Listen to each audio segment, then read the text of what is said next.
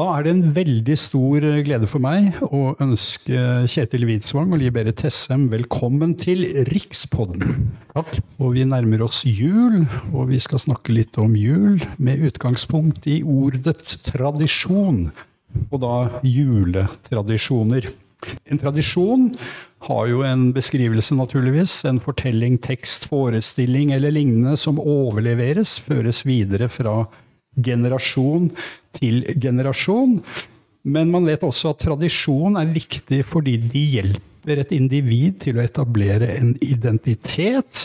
Og når det gjelder barn, så er tradisjoner viktig for barns følelsesmessige utvikling. Gir dem en følelse av trygghet og kontinuitet. Og der er vel også juletradisjonen et godt eksempel på det. Hvordan barn også kjenner veldig fort at dette er noe de gleder seg til. Men juletradisjoner, Kjetil og Berit, dere har jo til sammen eh, nesten 80 år i norsk presse. Eh, Kjetil 38 år i Dagens Næringsliv og Liv Berit 33 år i Aftenposten. Men dere har lenge vært opptatt av julen og juletradisjoner. Helt i, først i 93 kom deres første bok, og så boka Jul i 2010. Hvorfor denne interessen for jul og juletradisjoner, Liv Berit? Ja, i 93 hadde vi allerede vært grepet av lidenskapen i fem år. For da, Det skjedde egentlig da vi flyttet til London i 1988 og kom til Framadland med baby. Og da hadde vi ikke vært noe interessert i jul før den tid, men da vi selv skulle lage vår første jul for en seks måneders liten tass, så ble det veldig viktig. Og da var det en veldig likhet med jula i Norge, og samtidig var den helt annerledes. Og siden har vi jaktet på julen i alle dens fremtoninger. Hvordan har eh, dine egne juletradisjoner fra egen oppvekst eh, vært med å si, forme denne spesielle interessen for det? Nei, Det var egentlig først da vi selv ble foreldre, og det tror jeg gjelder for veldig mange mennesker. At det er, jula er eh, du, du, mottar den som barn, du er en del av den, og du er en del av denne endringen av tradisjonen. Men når du som er voksen, så må du skape en jul selv for deg og din familie. Og det er også typisk at noe av de første tingene et ungt par krangler om, det er jo jula. Ja, det er jo det. Det husker man selv. Kjetil, det var sånn for deg? Jo, nei, akkurat det samme. Altså, I det øyeblikket hvor eh, du er barn inntil du selv får barn. Og da omskaper du tradisjonene. Hvilket da er alt fra maten du spiser og tradisjonene du gjør. Jeg hadde en far fra Sørlandet som veldig gjerne ville ha torsk på julaften, men det satte da min mor fra Trøndelag foten hardt ned for. Der ble det aldri noe torsk hos oss. Nei, hva ble det? Ribbe. Det ble ribbe, ja. Du, dette med mat, eh, dere berører jo også det, det forfatterskapet deres. Eh, jeg intervjuet en gang Kjetil Siem på tidlig 80-tall som snakket om ribben i forhold til fetthunger. Han syntes det var så viktig å minne om at eh, i si, gamle dager, da, for å si det litt banalt, eh, hvor folk spiste sild og poteter gjennom året og høsten, så skulle man virk, virk, virkelig fete opp grisen, og det var en reell fetthunger. Man skulle ha denne soren og sånt, at det var derfor, den tradisjonen kom mye derfra. Du har jo heldiggrisen, og det var jo den grisen som da ikke ble sendt til slakt, men som ble gjødd fram til julen, og ble da kom som det ferske kjøttet. Og det er jo særlig det ferske kjøttet som har denne fetthungeren i seg, som er så viktig at vi også får i oss på den tiden av året. Ja. Men det er jo litt rart. Altså, vi bodde i Brussel noen år. Og slakteren på hjørnet forklarte at han kunne levere alt, han. Bare forklar. Og så gikk vel du ned for å forklare at du skulle ha en, hva en ribbe. Det var ikke så helt stø i fransk, da, men jeg kom meg nå igjennom. Og ja. da så han slurte på hva jeg skulle med denne monstrøse baconbiten. Skjønte han det når du forklarte det? Ja da, ja. men jeg tror han gikk for sjampis og østers på julaften og kalkun og laks på første juledag. Men disse... Det hører jo med i Brussel, eller i Belgia da, at, at, det dør i snitt ett menneske hver julaften. fordi at der spiser de østers, gammel fastetradisjon. Julen, eh, fastetiden varer egentlig frem til midnatt. Slik at uh, der spiser de østers fordi det er fisk. Og de skal åpnes, hvilket er vanskelig. Og når da mye er det, 8 millioner belgere samtidig skal åpne Østersen, så går det systematisk galt. Så jeg tror jeg leste en statistikk en gang på at det dør ett menneske hvert julaften fordi at kniven går av skaftet og opp i armen. Jeg, vet du, jeg tror det er en litt overdrivelse. Kan du ikke si annet hvert år? Ja, ok, greit. Spiller ingen rolle. Vi har aldri sjekket den opplysningen. Men jul og mat henger jo sammen med så mye, ikke minst lukt. Og jeg har en gang lest et sted at lukt er en av de viktigste markørene av å kjenne at du er i en tradisjonssituasjon. Og Og vi har alle tenkt på det. Nå lukter det jul i huset, sier man jo gjerne. ikke sant? Det lukter ribbe fra, fra ovnen, og for de som damper pinnekjøtt, så er det det. Hvorfor ble maten så viktig i norske juletradisjoner? Hvor har vi dette fra, det, det store måltidet, og, og hvorfor betyr det så mye? Jeg tror ikke det er spesielt for Norge. Alle, alle land har sine store, viktige juletradisjoner når det gjelder eh, mat. Um, men det var jo en viktig festkveld, og man vet jo ikke riktig hvordan den gamle norrøne jula var. Hva det egentlig, for det første vet man ikke hva ordet betyr, og man vet ikke hvordan den ble feiret. Men mye forskning tyder vel på at dette var en senhøstesfest. Men selve blotet, det var da ute i januar-februar, litt senere på året. Og at dette var en innhøstningsfest, en takkefest, og ofte knytta til gården og den gamle familien, altså forfedrene på gården. Og sånn sett er jo da vår jul i dag eh, eh, det er jo en høstningsfest. Vi feirer jo maten eh, der. Så jeg, tror det har en sammenheng med det. Og solsnu kanskje også? Ja. Ja. Men, men altså, det, det, er dette begynner.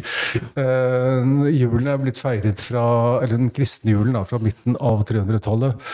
Og årsaken til at det er akkurat den da- datoen, 25. desember, eh, selve dagen, eh, er jo fordi at det i den romerske kalenderen var solveivsdag. Og det er liksom en av de mer erkjente tingene at, at det finnes, Vi vet jo ikke når Jesus ble født, men at de kristne som på det tidspunktet konkurrerer i Romerriket med soldyrkerne om å bli ny hovedreligion. De bare stjeler den, det som da er Dias Natals viktige, den udødelige sols fødselsdag, og bare erklærer det som Jesu fødselsdag. Og det er jo naturlig. Jesus var jo tross alt verdenslys. Sånn at det, at det ble etablert da, det er ikke rart. Og det andre som er morsomt med julen og tradisjoner, er at julen har da et feste på to fylletradisjoner. To fyllefester. Det ene er eh, Saturnalian, og det andre er um, kalende, da, nyttårsfeiringen til grekerne. Og det er ganske fuktige affærer, begge deler. Saturnalian var en innhøstingsfest som ble feiret sånn fra frem til 23. desember i fem-seks dager. Gammelt i Romerike. Mens kalender er da vår, vår nyttårsdag, selv om de egentlig feiret nyttår litt, eh, li- li- litt senere på, på året. Så, øh, og de festtradisjonene derfra, hvorav bl.a. å tenne lys og gi hverandre gaver og, Mann og konekaker. Mann og konekaker og ja, utagerende uh, festing. Velge festkonger, som vi har bevart med den lille mandelen i grøten. Altså å velge ut. For det er litt på samme måte. Uh, det er da juletradisjonen som er eldre enn julen selv. Men de norske tradisjonene da, som er knyttet til nissen på låven og, og, og, og alt dette, hvor, har det oppstått da i en slags uh, miks med det vi har hentet fra europeisk juletradisjon? Han er dansk. Dansk, ja. Ja. Nissen er dansk. Nissen er dansk, og det Nei! Jo! Eh, Nissen er eh, Altså, det, du har jo da liksom eh, Romantikken kommer, og i Danmark har de en folkeminnegransker som går ut og snakker med folk og samler eventyr, og han finner da beskrivelser av en liten mann som bor på fjøset, bor blant dyra, og i, som er kledd i grått. Og så har han vel Han, han har vel ikke rød lue? Jo, han har rød lue. Ja, rød- lue allerede Vanlig bondelue. Ja, ja. Så da fikk han navnet eh, Nis, da, en forkortelse for Nils, som var det vanligste navnet i, danske navnet i så han beskriver han som en sånn krympet utgave av en vanlig dansk bonde. Altså, Selv figuren fins jo i, i folketro over hele Europa. Mm. Han, Sånn, og I Norge så ble han kalt Tomten. Men så kommer denne Tile, eh, som da er Asbjørnsen og Moe på dansk, og beskriver denne figuren. Eh, neste skritt er at eh, en gjeng danske kunstnere hvilket år? 1838? Nei. 18, 1836, altså i, liksom, i det gullalderen er på sitt største, så har en dansk kunstner som heter eh, Konstantin Hansen Han har et atelier i Roma, og der inviterer han da mange av sine venner på julefest. Og på den festen så eh, lager de en freske på veggen, som er da et Da lengter de hjem til Danmark, og så har de da et vinterlandskap, og der er det for første gang det blir registrert nisser med små røde luer som sitter ute i dette vinterlandskapet i Hansens atelier. Og blir knyttet til jul. Ja. Altså Figuren har jo vært der tidligere, men det er der de tar og knytter det til julet. eh, Til, jul, eh, til jula. Og der er liksom alt som kan krype og gå av danske, sikkert også norske kunstnere i, i Roma og har denne festen. Og tar det med hjem hver til sitt og begynner å tegne. Og så, øh, så får du det. Og da, og, da Asbjørnsen skriver da en gammeldags julaften, når er det? 46? Ja, litt senere nei, 48, ja, Ja. Noe, noe sånt. Eh, så tar han da, bruker han istedenfor tomte, som da er knyttet til gården og sånt på, på norsk, eh, eh, så bruker han da det danske betegnelsen nisse. Og så kommer han inn. Mens nissen selv omtaler seg gjerne som tomten. Du skal få, Og Asbjørnsen. Ja. du skal få danse med nissen, du, sa tomten. Nei, du skal få danse med tomten, du, sa Ja, jeg. Ja, okay. ja, ja, det må du kutte ut. Men, men, men på låven sitter nissen, det er i hvert fall en norsk sang. Det er Margrethe Munthe. Ja, ikke sant? Ja. Så Nils, eh, danskenissen, flyttet fort i Norge òg, da. ja, veldig Ja, altså Han levde jo i Norge, Ja. men, men det at han ble knyttet til julen ø, Og du får liksom ikonografien og beskrivelsen av det, for han var i mange former til- tidligere. Men selv figuren er jo urgammel. Bokstavelig talt så gammel, gammel som alle haugene. Mens uh, da, da i denne formen jul er produkt av romantikken og lever da inn, og så blir han kodifisert gjennom alle tegnerne og juleftene og sånt i løpet av siste Så halvdel Spennende. For en annen viktig ting knyttet til med dette med utviklingen av jula, er jo det at da får du også uh, Pengesamfunnet blir mye, kommer også samtidig. Sånn at det, det blir eh, Kunstnerne begynner også å tjene penger på salg. sånn det, Og Asbjørnsen håpte jo å følge i, i sporene både til eh, H.C. Andersen med kanskje den største danske bestselgeren gjennom tidene, med 'Piken med svovelstikkene'. Den kommer to år før uh, Charles Dickens kommer med um, Christmas Carol. Christmas Carol. Og det er klart at de blir svært formuende forfattere av det. Og jeg tror nok at Asbjørnsen også så for seg at han kunne ha en mulighet for det, men det, det ble isteden fest og gøy og hurra med rundt Mads Børnsen. Hvis du har et nytt marked, du har nye trykketeknikker som gjør at du kan få gjengitt bilder og tekster og spre det ut. Du har økende velstand, og du har romantikken. Dette er til sammen da med å skape den vår julefest. Så brorparten av våre juletradisjoner er skapt fra 1840-tallet og resten av århundret. Men når vi i våre dager har eh, enten sønn i nabohuset eller en far som skal komme som julenisse til barna på julaften, Ja. da er det jo den med hvitt skjegg og, og Santa Claus. Eh, Det er jo ikke akkurat den lille knøtten med den lille røde hatten som lurer seg inn. Nei. Og denne Sankt Nikolas, eh, som jo er opphavet til Santa Claus, eller julenissen for mange, det òg. Hvor kommer det inn? Oi, oi. Ja, det er, altså, det er jo da selve helgenen Nikolas. Og han eh, vet vi levde i Lille-Asia på også på, på Begynnelsen av- begynnelsen av 300-tallet. 300-tallet. Mange tror kanskje at han var med på dette berømte kirkemøtet som ikke var på Ikea, men på Nikin Ikea. Ja, Det, det, det, det er usikkert. Da. Men han var sannsynligvis jøde. Eh, Det, det, det, det, han var, var sannsynligvis del av den jødiske eh, diasporamenigheten eh, i, Niklas? i, det, i det som nå er Tyrkia. Men han var jo kjent for å være gavmild og, Ja, ja. og tradisjoner rundt det. det han Så det å gi gaver til hverandre, det er også en del av den tradisjonen. At vi skal glede hverandre Ja. med gaver. Og, nyttårsgavene er nok eldre enn julegavene, selv om klart de kommer jo med gaver til barnet, eh, kongene. Men kongene kommer ikke inn, eller de vismennene, altså han- de fortelles om i, Juleevangeliet. juleevangeliet. Men de blir først en veldig viktig del av folkloren som på rundt 1000-tallet, hvor, hvor de slår inn og blir veldig elsket. Men det religiøse i julen, altså den kristne julen, den er jo fortsatt viktig for mange. Ja. Eh, Det er jo fortsatt 20% som går i kirken på julaften. Og jeg vet ikke hvor mange jeg har snakket med som kanskje ikke besøker kirken så ofte ellers i året, men som sier at eh, det er først da jeg får et annet tradisjonsrikt juleord, nemlig julestemning. Man, man, man kjenner at da er det jul, når jeg har vært i kirken og sunget 'Deilig er jorden' og hørt juleevangeliet. Ja, ja. Så den religiøse, den kristne julen er vel fortsatt også viktig for mange. Ja, det, er jo en religiøs, det er jo årets religiøse utblåsning. Det er jo der man tar det i stor grad ut. Og det er klart at juleevangeliet eh, er den mest kjente teksten fra Bibelen. Det er den folk kan. Det er, det er en del av det.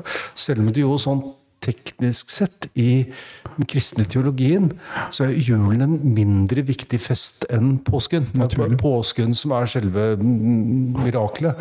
Mens øh, den er der, og historien, og pluss at liksom, de, den korte teksten, eller slett både den teksten øh, hos øh, Lukas og Matteus-teksten, hvor du har kongen og sånt øh, den øh, har jo inspirert sånne uendelige mengder av kunst. Både billedkunst og musikk og folkelig kunst.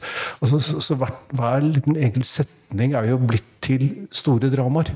Så, og, og det er klart altså, dette sitter tett i oss. Men hvordan er det med det? så er det jo en vakker tekst. ikke sant? Det er jo, det, det, det er jo dette at, at den som er verdens frelser, er, den, er et lite barn. Altså, Det er jo noe annet enn den der krigskulturen, alt dette som levde rundt i Romerike på den tiden. Og en voldsom kontrast. Og så er det også en veldig viktig del at det er jo en utrolig spennende historie. Altså Du har Lukas som er litt sånn fredelig, og de, ok, hun får, barnet kommer og sånt. Men Matteus, altså med selve flukten til Egypt, med b- b- barna, og drapene på barna, alt altså det er en voldsom historie. Ja, det er massedrap på barn. ikke sant? Du har ondskapsfull konge, du har eh, hellig inngripen, og du har ja, drømmer og, og det hele. Pluss ja, Så det er en fantastisk historie som da har levd videre. Men hvordan er det med dere, da? Du, Kjetil, har jo en ikke Riktignok for lenge siden var med å stifte Hedningesamfunnet i sin tid. ja, ja, ja. Men, men, men betyr for dere to den kristne juletradisjonen noe som helst i det hele tatt? Er det noe dere vier oppmerksomhet i deres egen julefeiring? Jeg er, veldig, altså, vi er veldig opptatt av dette, og det, og det religiøse aspektet er jo en veldig viktig del av det.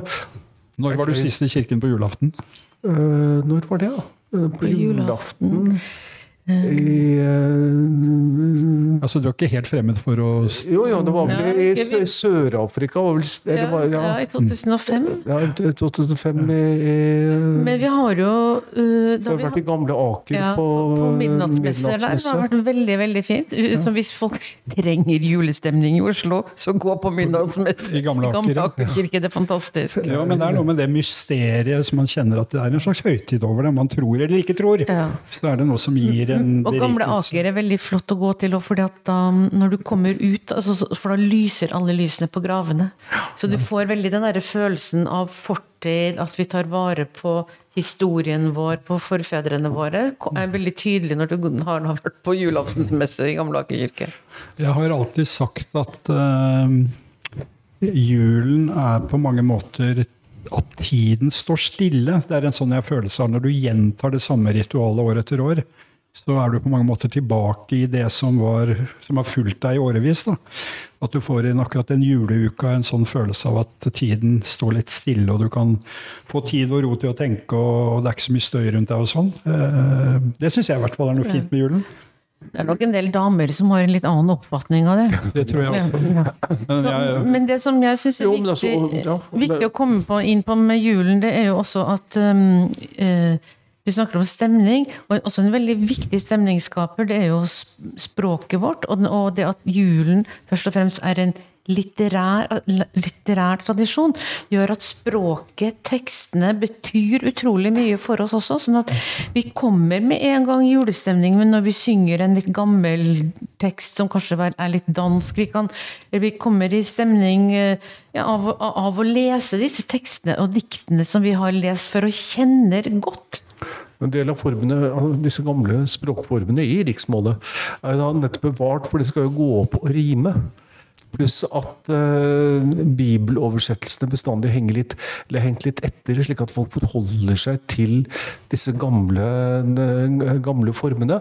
Og som sagt, altså, at, at det at vi distanserer ved å si 'god jul' frem til, eh, til selve julaften, og så gledelig jul etterpå. I romjulen. Det, ja, det er fullstendig forsvunnet, den slags distinksjon, eh, distinksjon, fra språket ellers. Men vi bevarer det der nærmest som sånn Jeg innser jo nå, jeg var jo sjefredaktør i Alders i mange år på 90-tallet, og da husker jeg vi bare juleblad, altså hovedbladet før jul, så skrev vi 'Gledelig jul'. Ja, fordi vi tenkte at det var en gammel formulering, men den var jo åpenbart helt feil. Ja. For gledelig skal du si når du er i julen, og ikke før god jul. Det er en veldig interessant tekst. for Vi, jo, vi skjønner liksom forskjellen på god jul og gledelig jul inni oss. Vi forstår liksom det er den futurumformen, og så er det at gledelig jul er en tilstand. Men um, Eh, det er lett å drite seg ut på det, og det må ha vært veldig flaut i alders når dere fikk rasende telefoner. Nei, vi gjorde ikke det, skjønner du. Eh, det var, vi tenkte at det var en veldig sånn høflig, konservativ måte å ønske folk god jul på. Jeg ønsker deg en gledelig jul. Det var vel ikke det verste språkovergrepet, kanskje? Men hvis du treffer sånne virkelig jule... Du har jo noen sånne julemonstre også, sånne damer som har sånn, Da kan du få, få en, får du øye hvis du bommer på det der. Men eh, apropos eh, julen og sang og musikk. Julesangen er jo en gjenganger, bokstavelig talt. Mm. Eh, hvor viktig tror dere, eller syns dere det er at vi opprettholder det er kanskje ikke alle som synger noen julesanger hjemme. De hører vel på radio. Disse, det er jo blitt så populært med sånne juleradioer som sender julemusikk døgnet rundt i våre dager. Men, men, er det viktig å synge og på mange måter holde den tradisjonen ved like, også for de yngre generasjoner? Ja, det tror jeg er veldig viktig.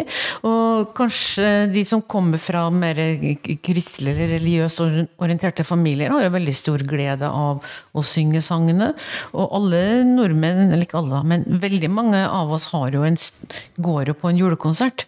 Altså vi Fleste, flere, flere, som går i kirken i desember på julekonsert enn som nå går på julegudstjenesten. Mm.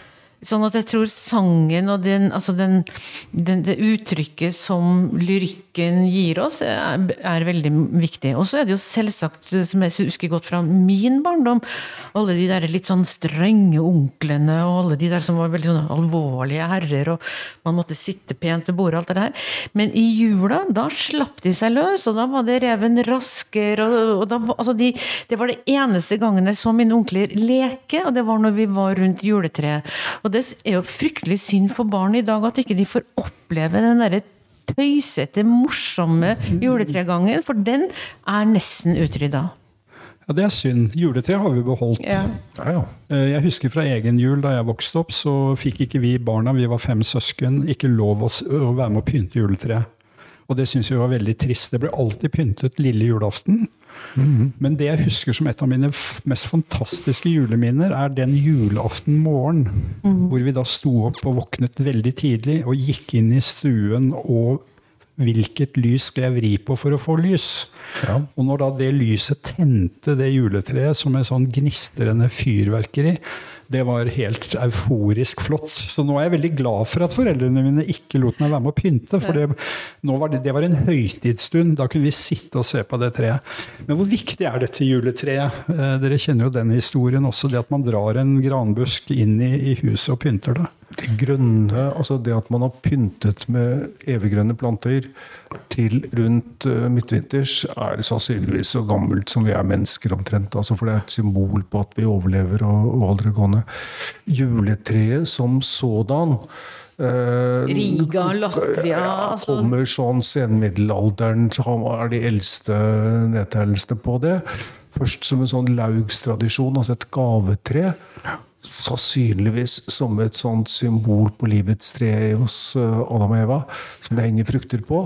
Og julaften er jo er jo Hvilken dag er det er um, paradisen? Hvilken dag er det julaften her? 24. her? Er det Adams? Ja, det, det, det, det er også en teori om at ja. Unnskyld. ja.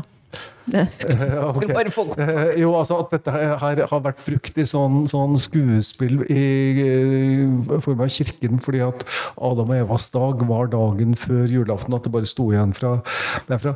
Er fall, man kjenner det fra disse laugene, og så fra 1700-1800-tallet så flytter det da inn i stuene hos folk.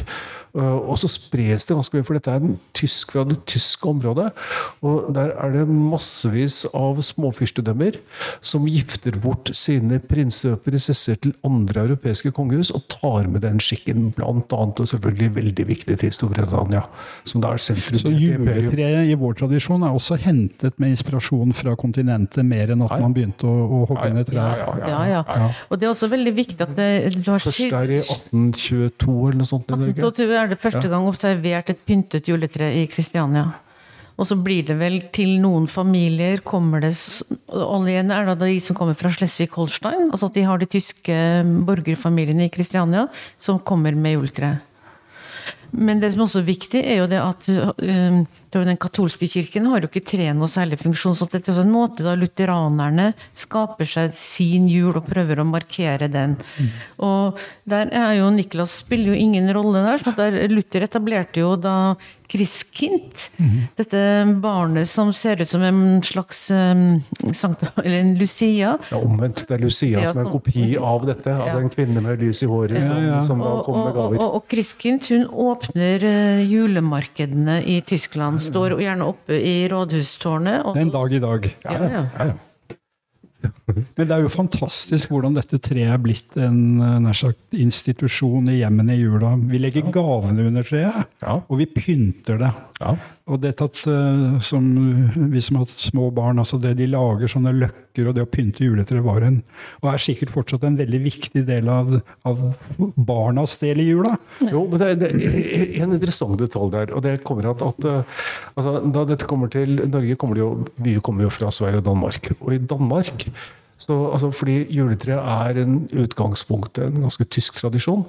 Så etter at Danmark har utkjempet krigene om Schleswig-Holstein og sånt, nå på 1860-tallet, så må de da markere sånn at dette er en dansk jul og ikke en tysk jul. Så da begynner de for det første å pynte treet med krigsinstrumenter. Trommer og trompeter, og de henger der fremdeles. Og Fantastisk. viktigst danske flagg. Eh, slik at vår, En av våre mer kjente julesanger, altså 'Du grønne glitter tre', det er utdrag av et stort dansk dikt. Og der er det pyntet med julelys og danske flagg. Og så tar vi, gjør det til norske når vi får vår selvstendighetskamp etter 1905. Og så kom de norske flaggene, Ja, ja, som ja, jeg ja, husker fra ja. min Som i 1905, og så har du noen de der virkelig ivrige skandinavistene. De har eh, alle de nordiske flaggene på. Det er noen hjem som har det også. I Sverige er det ganske vanlig. Men det er også viktig det med, når Kjetil sier dette med du grønne glitrende tre god dag, det er altså tre vers av dette store diktet som heter Peters jul. Og i Norge har vi da bare, er det bare de tre versene vi kjenner i dag. Mens i diktet så beskrives hele prosessen frem mot jul gjennom alt de forbereder, og hvordan julen også utspiller seg. Dansk borgerskapsjul Ja. i København 1860-tallet. Men denne jula som da Peter beskriver, er også på en måte fundamentet, sånn som vi, den borgerlige jula utviklet seg i Norge da på slutten av 1800-tallet. Og som vi har med oss Ja, ja, også i våre ja, ja. dager, viktig. naturligvis. Ja. Brorparten, altså Du snakket om smakene og luktene. Veldig mye av de, Dette er jo knyttet til da det som kommer inn når levestandarden stiger andre halvdel av 1800-tallet. Begynner å få kolonialvarer, importvarer. Og det er det der, altså. Det er det som er luksusmat på 1800-tallet, som i dag virker veldig gammeldags, men som i dag var nytt og eksotisk. Det var liksom sånn 1800-tallet. Og det er jo med å underbygge hvor viktig jula var. At den rett og slett var høytiden, og da skulle vi feste. Men det er også en viktig ting som ikke høres så veldig sånn hyggelig tradisjonsrikt ut, men jula er faktisk altså en utrolig sånn teknologisk driver. Eh, Det er få ting som driver teknologien frem, sånn som jula gjør. Vi får da, som Kjetil nevnte, eh, boktrykkingen og heftene og farger og sånt. Så får du uh, reise hjem til jul. Du, togene kommer, dampskipene får opp farten. Man kan reise. Man får uh, Julekort av, julekort, av Postvesenet. Kommer. Første julekort- prospektkortet som sendes, er jo selvsagt et julekort. Og verdens viktigste julekort er jo da eh, dronning eh, Victoria Albert sammen med et juletre på Buckingham Palace.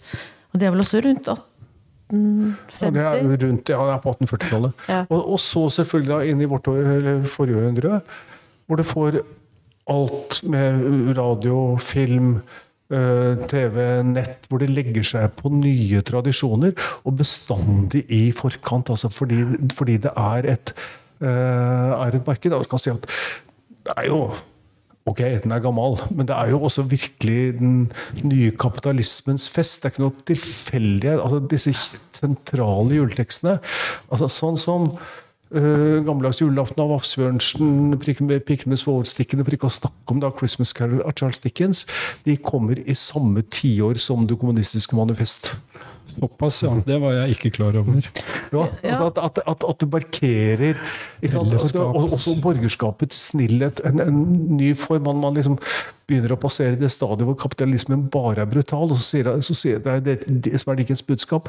Her må man også vise en form for omsorg og knytte det til julen. Han kaller det da, altså the Christmas spirit, som da skal leve videre, og som mennesker bør ha med seg hele året, egentlig. Det er jo, vil jeg tro, i de to bøkene dere har eh, skrevet, er de fortsatt mulig å få tak i? Ja da, vi er ute og juler hvert år. Dere er ute og juler hvert år. For jeg har bare lyst til å si til de som hører på oss, at uh, underet både julen fra 1993 og jul fra Finnes på biblioteket. da kan man, For det er så mye interessant dere har fortalt oss, og, og da kan man gå videre og gå enda mer i dybden på det. Ja, ja. Men det gode ønsket som jeg da ønsket mine lesere i alders på 90-tallet med gledelig jul, det, det skjønner jeg er eh, Ja, jeg har visst det egentlig lenge, jeg bare syns det var så pent. Men det vi tre i hvert fall kan si, for nå har vi kommet til veis ende, eh, det er god jul. God jul. God jul. Rikspodden kommer på luften med sjenerøs støtte fra Tor. Dahls kulturbibliotek, Bergesen-stiftelsen og Fritt Ord.